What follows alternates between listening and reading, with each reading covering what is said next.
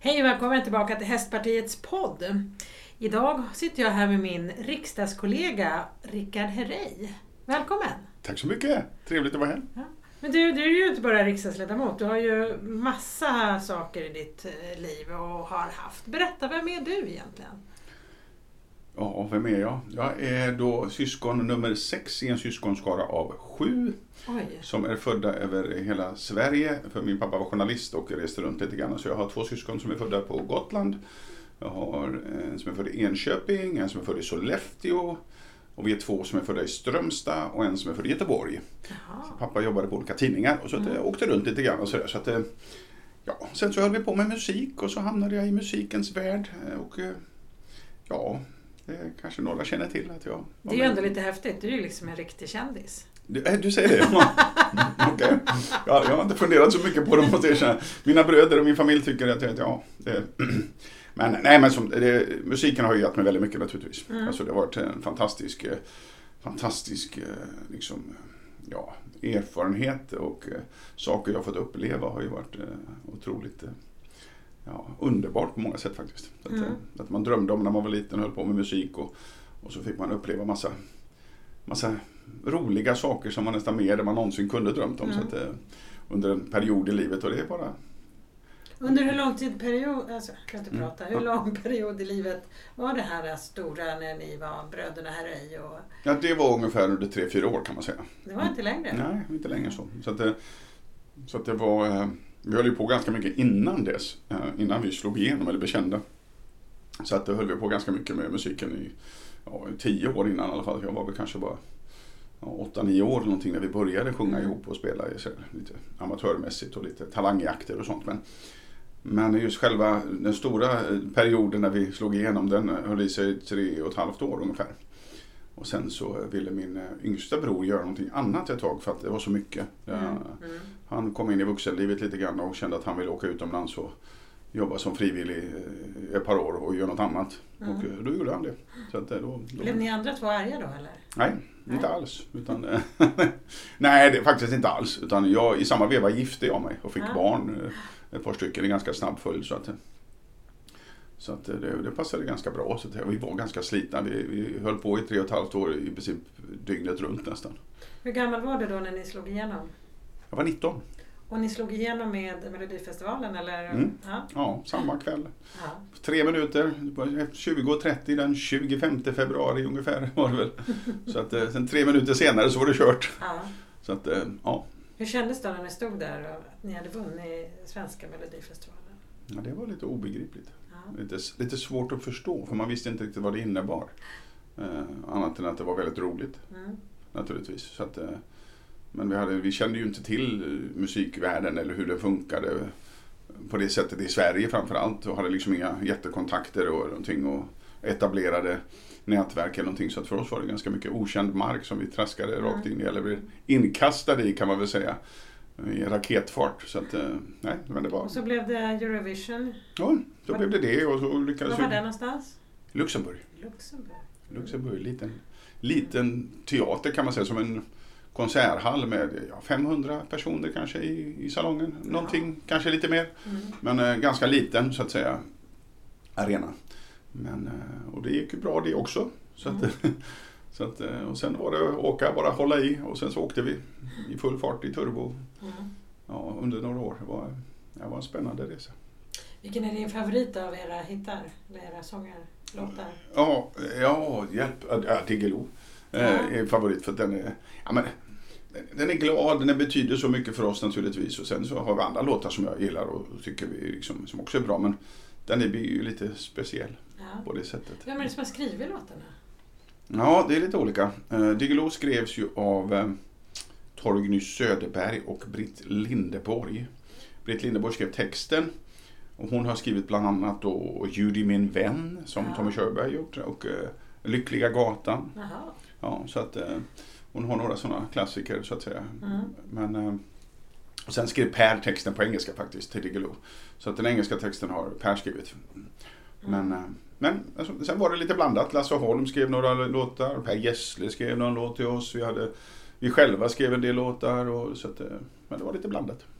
Är det någon som du har skrivit som du känner att det här blev riktigt, riktigt bra? Ja, jag har skrivit men ingenting som du kommer komma ihåg. Nej, säg inte det. Yes. Jag är en stor fan. Hade Mm. nog okej-posters i, i flickrummet Mm, ja, tror jag. ja. mm. Yes. Ja. Men eh, favoritlåt som handlar om hästar, har du någon sån? Det finns, ja, det finns ju en del hästar, eh, hästlåtar. Men för mig blir det ju då eh, automatiskt, får du säga hästar Ja. och, och låt. Så var ju jag i början av 70-talet då. Eh, vi var ju bröder och det fanns en annan brödragrupp i USA som hette Osmonds. Mm. Eh, och de hade en eh, stor hitlåt med en låt som hette Crazy Horses. Mhm. Eh, som var lite, lite rocklåt faktiskt på många sätt. Det var ganska tung rocklåt. eh, Fast gjord av en popgrupp. Mm. Men, eh, men den hette ja, Crazy Horses. Det var... Nu får jag ta upp Spotify sen.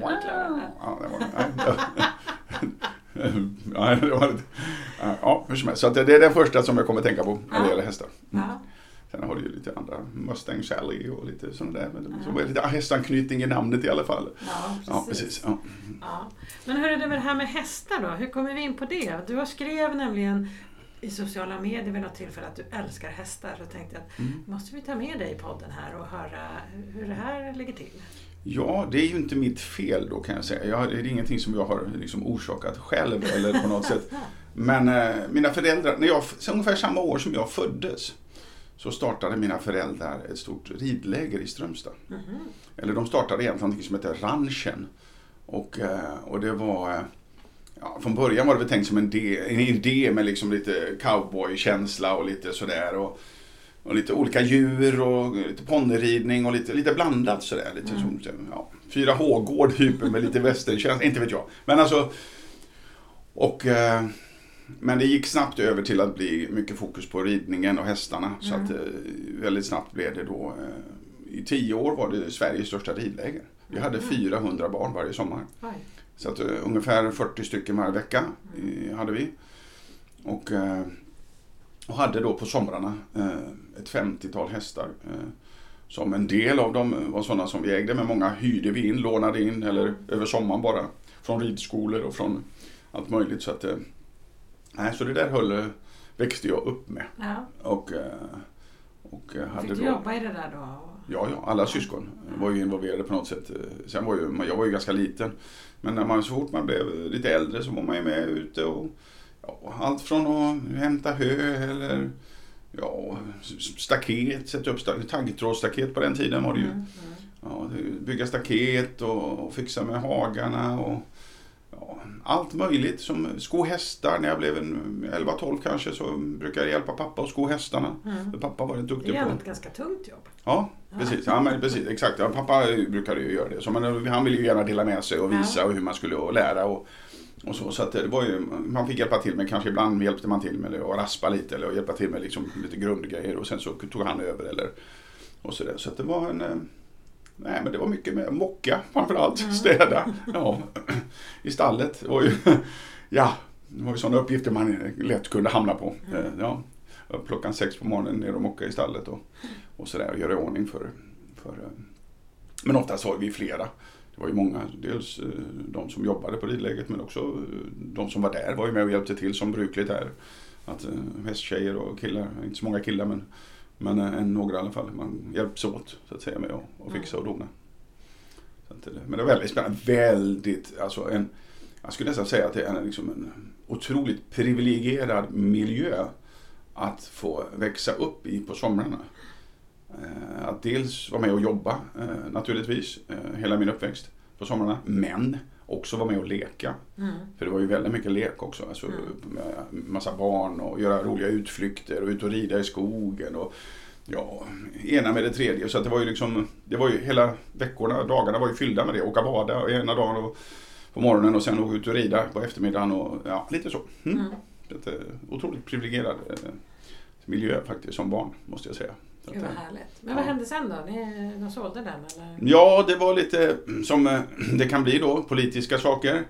Eh, Min, eh, min pappa arrenderade gården från eh, Strömstad kommun. Mm. Och det blev lite tillståndssaker. Det skulle dras in avlopp Eh, Miljö, miljömyndigheterna ja, krävde att det skulle dras in avlopp och lite sådana där grejer då, ganska långt in på markerna.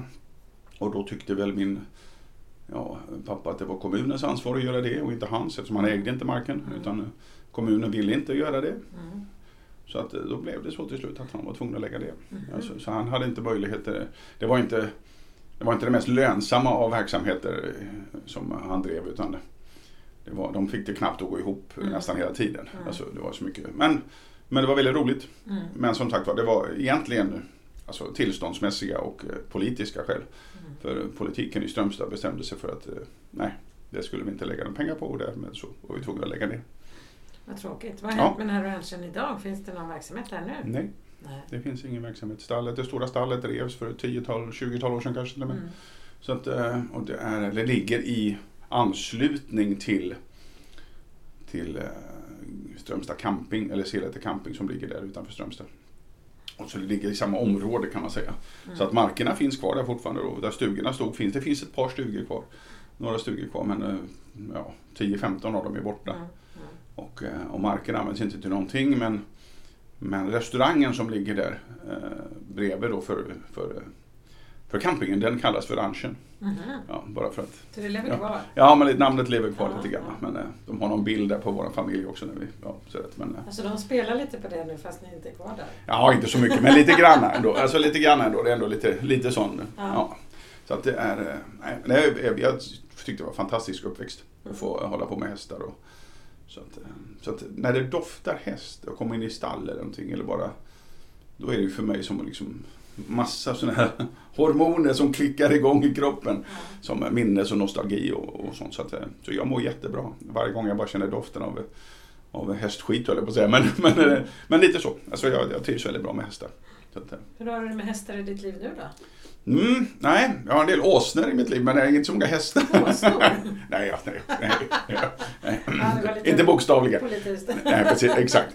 Men jag, eh, nej, inte så många hästar, eh, tyvärr. Eh, Jag är väldigt förtjust i hästar men jag inser också hur mycket tid det tar. Mm. Hur mycket energi de kräver och mycket uppmärksamhet och så. Så att jag har varit klok nog att inse att jag nog inte ska ha en. För att jag har så mycket annat hela tiden. Mm. Så att jag har genom åren avvärjt olika impulser att köpa häst Mm. eller skaffa häst. Eller min fru försökte ett par gånger att skaffa mig en häst och, och sådär till på födelsedag. Jag bara sa nej, nej, nej, nej, nej, gör inte det. Jag har inte tid. Så att, eh, men eh, hur som helst. Så att ja, jag, ibland, det händer då och då, kanske någon gång om året att jag rider. Mm. Och det är alltid lika roligt varje gång. Och gör det lika ont varje gång efteråt. För att man inte rider så ofta så kan man ju inte gå sen på ett par dagar. Man hittar ju några muskler där som Ja. har varit vilande. exakt, jag tror ju fortfarande att jag, de, de skulle liksom vara aktiva. Det är de inte riktigt utan jag försöker att eh, minimera min längd på ridningen första gången när jag inte rider på ett tag. För att jag är Ja. fullt medveten om hur ont det kommer göra eh, dagen efter. Så att, eh, men ja, det är roligt. Jag är lite sugen på att prova de här äh, gryningsritterna som de har här i Stockholm. Mm. Fem på morgonen så ger man sig ut på Stockholms gator och torg. Fantastiskt. Visst vore det fränt? Ja, det vore fränt. Det Ja, vore vi kanske måste sy ihop en sån. Ja, det vore jättebra. Sen vä- västerridning, det är någon snubbe som kommer ner från Norrland. Jag var, gjorde någon liknande för ett par år sedan. Eller ett par, tre år sedan kanske. Vi red inte in i stan, för vi- vi red lite senare på dagen. Så vi red inte in i stan så mycket. Utan men vi höll oss lite utanför mot Djurgården och Gärdet. Eh. Men eh, fantastiskt. Han, han, han var nere med ja, tiotal. Ja, han brukar, det är Hästar. samma som Mm. brukar vara nere på Ja, somrarna. han tar ner sina hästar och så är han ute vid Gärdet någonstans. Och så, ja, jättehärligt. Precis. Och västernridning gillar jag väldigt mycket. Så att jag, Ja, jag rider gärna med en hand och, och styr lite så. så att, ja, för jag var på studiebesök för inte så länge sedan nere Mm. i Kvarn på Long Valley Ranch. Ja, okej. Som har Mm. bara massa västernridning, Mm. västrejning om jag förstår det rätt. Mm. Men det är också rätt fränt. Mm. Yes. Så att, eh, Där hade de faktiskt några skådespelare på plats som skulle lära sig rida inför inspelningen av nya Ronja Rövardotter. Jaha, okej. Ja, jättefränt. Ja, Okej. Det såg ut som att de behövde några lektioner till. Ja, precis, exakt. Ja, det, är det, så det kan vara svårt att lära sig från ingenting. Ja. Om man aldrig suttit på hästen så är det ju liksom hopplöst. Jag hade ju gärna varit, vet när de spelade in, jag tänkte liksom på det framförallt när de gjorde såna här stora scener till när Arn och sådana där grejer. Jag tänkte att det, jag hade kunnat vara med där bara med mask, bara, Ja. bara få vara med. Det är inget problem. Ja, men lite, lite sådär, jag kan vara med och rida bara, det är lugnt. Du behöver inte se vem jag är, jag vill bara vara med för jag Ja. tycker det är häftigt. Ja. Så att, eh, men, eh, ja hur som helst. Så att det där är, Men eh, jag har ju som sagt var, jag kommer inte ihåg när jag lärde mig rida. Jag har liksom, jag bara, jag bara kan. Ja. Men tror du att du, den uppväxten i, i den här hästmiljön har präglat dig som människa vidare i livet? Ja, allting präglar vi på olika sätt naturligtvis. Men, men, men framför allt att det är en sån miljö med, med där man måste arbeta och måste ta hänsyn till djur och anpassa sig och ta hand om dem på olika sätt. Och se till att det funkar och de mår bra och att liksom, ja, allting som är runt omkring. Och sen är det ju, älskar jag liksom, hundar eller djur eller hästar eller och det är ju så mycket kärlek från eh, att stå liksom och kramas lite med en Mm. polle som är lite med mulen lite. Det är ju fantastiskt. Det, här, men det är underbart. Alltså det är ju lite så. Stå lite så. Men, eh, men eh, så att, det är klart att det gör det. Alltså framförallt att man fick vara med och lära sig massa saker i stallet. Hela tiden. Det var ju alltid någonting som skulle göras, repareras, byggas, tas hand om. Allting från bra saker, roliga saker, svåra saker till också väldigt lite sorgliga saker. Alltså vara med och avliva en häst till exempel. Eller vara med och men jag vet att min syster hade en gård i Göteborg. Jag var ute, någon kom springande. Ja, det är någon häst, jag kommer inte ihåg vad den hette. Hon är nere i hagen och håller på att föda. Eh, Och eh, hon hade ju då eh, börjat föda fel och, och låg i hagen, hittades i hagen och, och hade döf, dödfött föl. Alltså, som, och fölet kom inte ut rätt. Den hade ena, bara ena hoven var framme, den andra var inne och halva huvudet utanför. Och, lite så, så att, eh, och hon låg där och eh, Ja, stoet höll ju, mådde ju jättedåligt. Jag tänkte jag måste få ut eh, fölet. Så att du vet, man, då var jag ju lite äldre, jag var kanske 25 eller någonting. Men, och då bara, du vet, ring veterinären. Och så sprang jag ner och sen bara låg jag där in ja, 20 minuter tills jag fick ut fölet. Ja. Alltså bara dra ut fölet helt enkelt. På olika sätt och bara spjärna emot för hon orkade inte längre pusha själv Nej.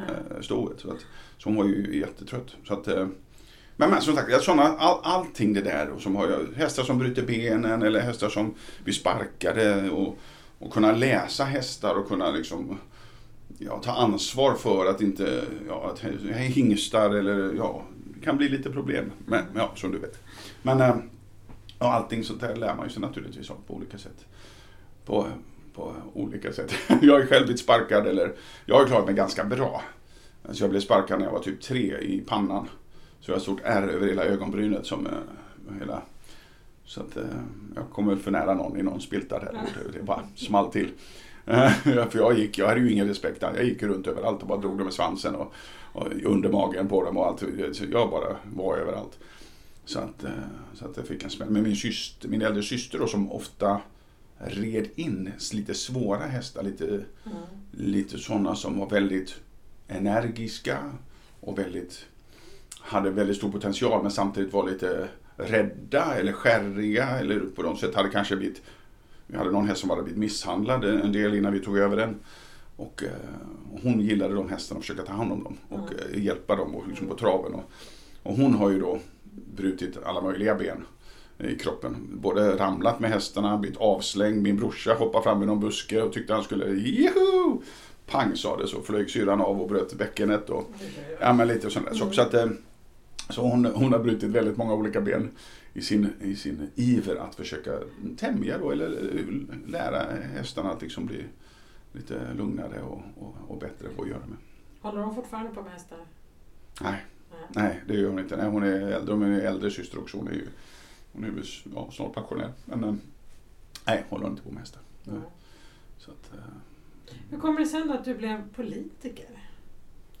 ja, det har inte så mycket med hästarna att göra. Det var inte det. nej, nej, inte så jättemycket faktiskt. Inte just då, men det kommer det bli. Mm, Ja, men... Mm, ja, ja, det är en jättebra... Jag kan säga rätt allmän politiskt intresserad var jag alltid.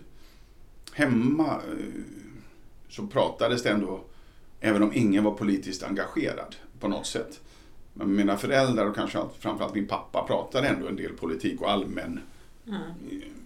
allmänkunnig om, om mycket saker. Följde mycket nyheterna, följde mycket, var allmänt intresserad av, av både inhemsk politik och världspolitiken på 70-talet och, och sådär. Så det pratades ändå rätt mycket om ja, det allmänna som hände och, och pappa försökte driva företag då naturligtvis och var ju mycket med det och mycket med skatter och arbetsgivaravgifter och, och allt vad det var så att, så, som han hade åsikter om Mm.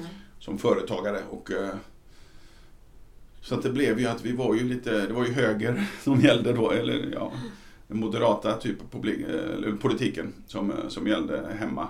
Även om vi kom från ganska eh, påvra förhållanden ska man ju säga. Så båda mina föräldrar är ju, har ju ingen direkt utbildning till någonting utan de har jobbat hårt och, och slitit med sju barn på olika sätt. Och, och eh, ja, de såg ju till att vi hade mat på bordet men det var ju inte så mycket mer heller. Utan det, så att, eh, och jobbade ofta dubbla jobb. Pappa hade ofta extra jobb som du vet, väktare på natten, han körde något pass, eh, vi hade tidningsbud på morgonen för att dryga ut ting och vi syskon hjälpte gärna till, eller vi hjälpte till alla eh, genom åren med olika tidnings då, distrikt som vi hade i Göteborgs-Posten. Men, eh, så att, eh, men, eh, men som sagt var, det allmänna intresset tror jag föddes hemifrån.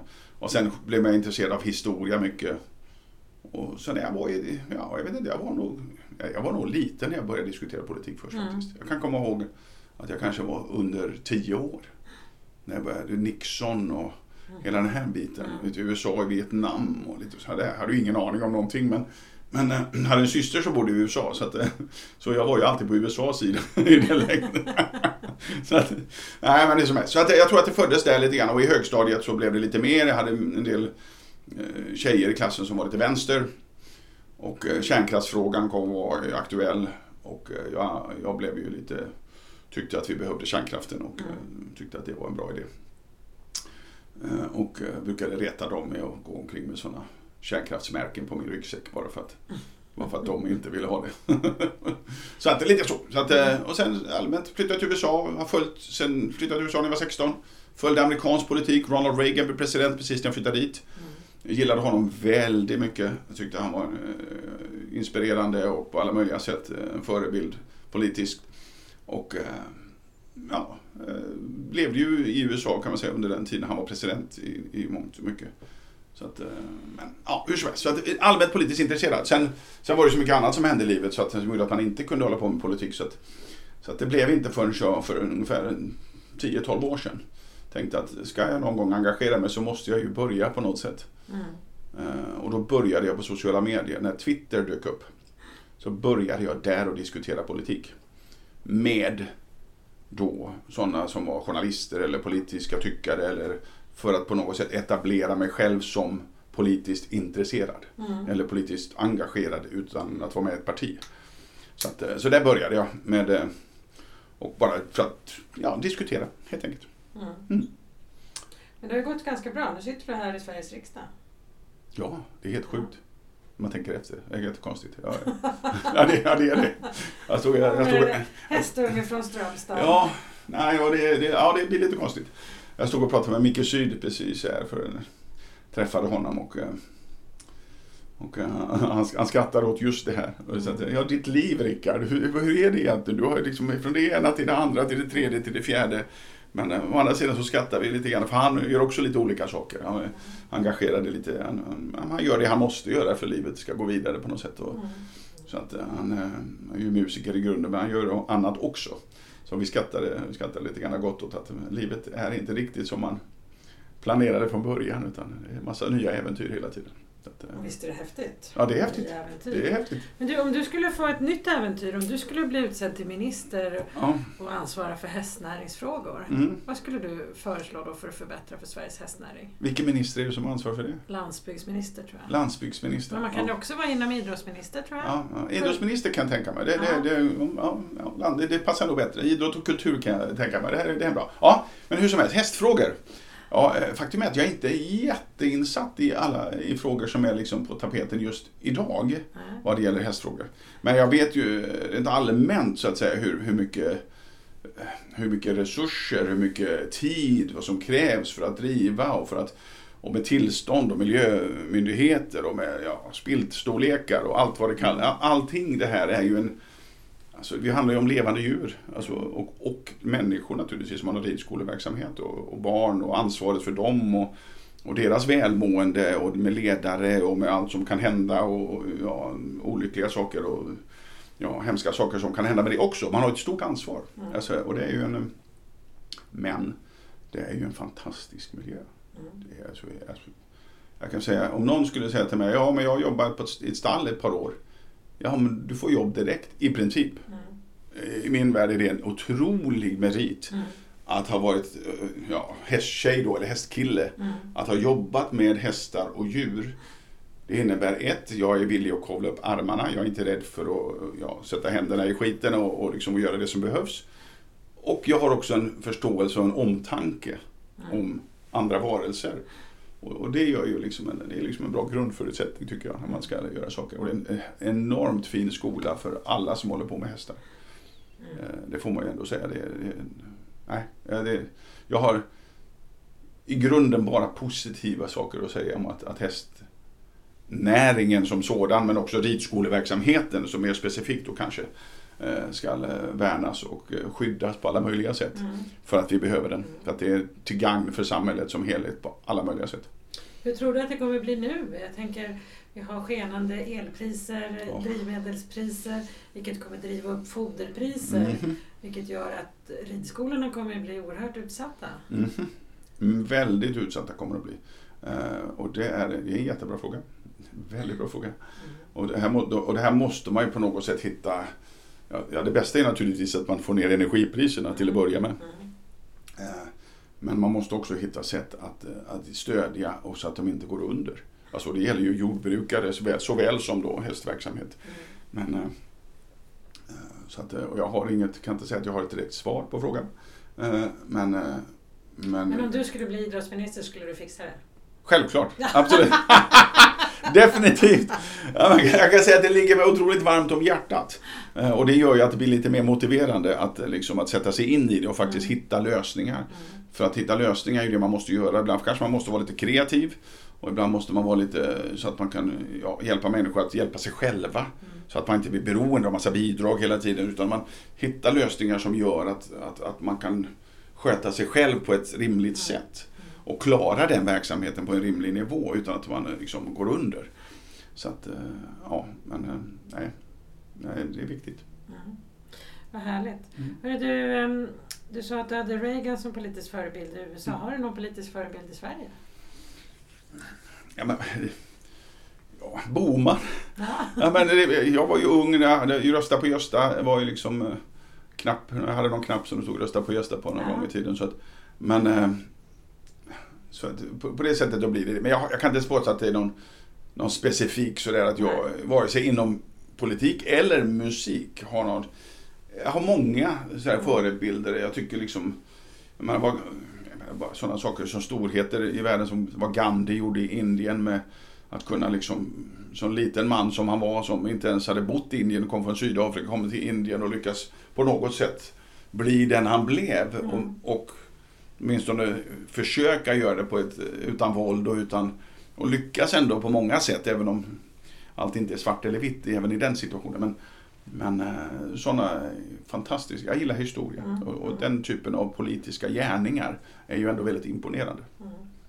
Bli inspirerad av egenskaper kanske? mer Ja. än- Ja men absolut, på alla möjliga sätt. Så att, eh, och jag gillar att, läsa om och, titta på filmer om och den typen av dokumentärer. Eh, Historisk politik eh, intresserar mig väldigt mycket. Churchill. Favoritfilm då? Vad sa du? Favoritfilm? Har du något tips till alla lyssnare? Ja, Gandhi är en fin film. Ja. Har man inte sett den kan jag rekommendera. Den är från 80-talet i och för sig men det, är fin. Och Sen, Lincoln.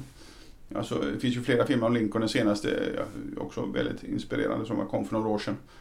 Så att, eh, också en inspirerande man som eh, på olika sätt då i USA ja, ja, gjorde historiska saker för, Ja. sitt, eh, för sitt land. Så att, ja, jag gillar sådana filmer. Mm, kul. Mm. Ja, spännande. Nu, du, nu ska vi arbeta vidare Mm. och vi får väl hoppas att vi får till någon minister som kan driva hästnäringsfrågorna framåt Ja, precis. på olika ska jag, precis. Jag ska, jag ska försöka ta mig ner till High Chaparral i sommar faktiskt. För jag, att- jag hoppas jag kommer ha tid. För att jag har en gång i tiden ridit i deras såna här ja, bankrånaruppvisning. När de kommer in ridande, instormande med sk- skjuter och pang, pang, pang, går in. Ja, men jättefränt. Alltså, så att, eh, och jag har en kamrat som är VD där nere numera. Så att jag, så att jag har lovat att komma förbi någon gång. Ja. Så, jag får ut och rida lite grann och, Mm. och se om man kan få rida med där på, något, på ett hörn. Att, eh, nej, Måste vi lägga spännande. upp det på Hästpartiets sida på Facebook? Ja, Ja. precis. Exakt så. Rapport direkt från High Chaparral. Ja, Ja. jag vet, det blir bra. Ja, men vad härligt. Mm. Ja, men du, stort tack Rickard för att du kunde vara med idag. Mm, tack så mycket. Och eh, om man eh, vill komma i kontakt med dig om man har några förslag på politiska förslag eller något, hur kommer Mm. man i kontakt med dig då? Ja, enklast är väl att eh, gå på riksdagens mejl, höll på att Ja. säga. Rickard Herrey, riksdagen.se. Det är bra. Perfekt. Ja. Ja. Mm. Så eh, kan man göra det. Och till er som lyssnar, nästa vecka så kommer vi naturligtvis med ett nytt spännande avsnitt av Hästpartiets podd. Tack för idag! Tack!